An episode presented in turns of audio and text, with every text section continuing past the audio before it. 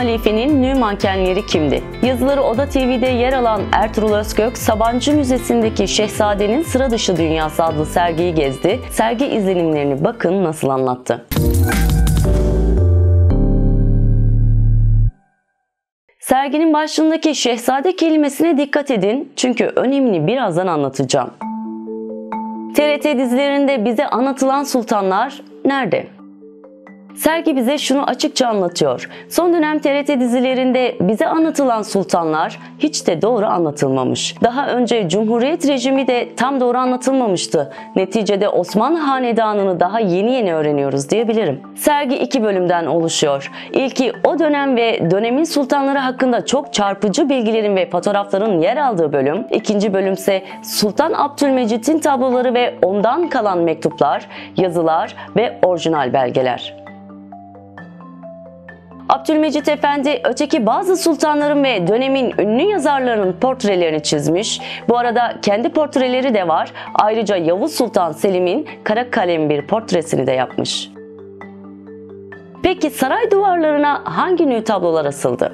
Adında halife ve sultan ünvanları bulunduğu için bütün dikkatler onun nü yani çıplak tablolarına çekiliyordu. İki nü tablo dikkatimi çekti. Biri bir Fransız ressamın çizdiği nüydü. Bu tablo sonradan Paris'ten alınmış ve sarayın duvarına asılmış. Öteki ise bizzat Abdülmecid'in çizdiği nü tabloydu. Tabloda neredeyse çırılçıplak kadınlar vardı. Tabii ki Osmanlı sultanları hakkında çok da sağlam bilgileri olmayan biz Cumhuriyet çocukları için şaşırtıcı bir şeydi. Muhafazakarların ne düşündüğünü ise düşünmek istemiyorum. Tablonun adı Avluda Kadınlar. Aklıma gelen ilk soruysa şuydu. Halife Sultan bu nü tabloyu çizerken mankeni kimdi? Ya da var mıydı? Belli ki serginin kuratörleri de bunu düşünmüştü ki hemen yanında en az o tablo kadar büyük ikinci bir tablo vardı. O tablonun üzerinde Abdülmecid'in bu tabloyu yaparken kimlerden esinlendiği tek tek yazılmıştı. Yani Halife Sultan bu tabloyu yaparken çıplak manken kullanmamış, İtalyan ve Batı sanatındaki çok ünlü bazı nülerden esinlenmişti.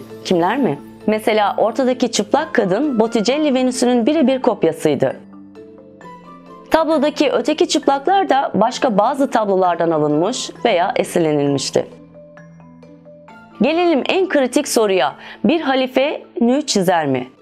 Sergide yoktu ama 2013'te bu tablo 1 milyon 600 bin TL'ye satıldığında Murat Bardakçı cevabını vermişti. Onun cevabını da Oradan aktarıyorum. Abdülmecit Efendi tabloyu 1899 senesinde henüz şehzade olduğu, günün birinde tat sırasında yer alma ihtimalinin hiçbir şekilde bulunmadığı hatta halifeliğinin hayal bile edilmeyeceği bir dönemde yapmıştı. 1899'da tahta Sultan Abdülhamit vardı ve Abdülmecit Efendi henüz 31 yaşındaydı. O sırada tat sırası düşüncesini bir tarafa bırakın, velihat kavramı bile yoktu. Abdülmecit Efendi'nin önünde kendisinden yaş bakımından oldukça büyük şehzadeler bulunuyordu ve Ortaköy'deki Feriye Saraylarının bir dairesinde yaşayan, sonra Çamlıca'daki köşküne kapanan Abdülmecit Efendi'nin ismi tabloyu yaptığı tarihte devlet protokolünün üst sıralarında bile yer almazdı. Zamanını musikiyle uğraşarak ve resim yaparak geçiren Abdülmecit Efendi ile tat arasında yer alan daha yaşlı şehzadelere sonraki senelerde bir haller oldu. Bazıları öldüler biri intihar etti ve değil Abdülmecit Efendi'nin o senelerde yine alelade genç bir şehzade olan Vahdettin Efendi'nin bile kaderi değişiverdi. Vahdettin Efendi 1918'de kendisini Sultan Vahdettin olarak Osmanlı tahtına oturmuş buldu. Amcazadesi olan Abdülmecit Efendi veliaht oldu ve 4 sene sonra Büyük Millet Meclisi tarafından halifeliğe getirildi. Anlayacağınız bu tablonun yapılışıyla onun halife oluşu arasında tam 23 yıl fark var.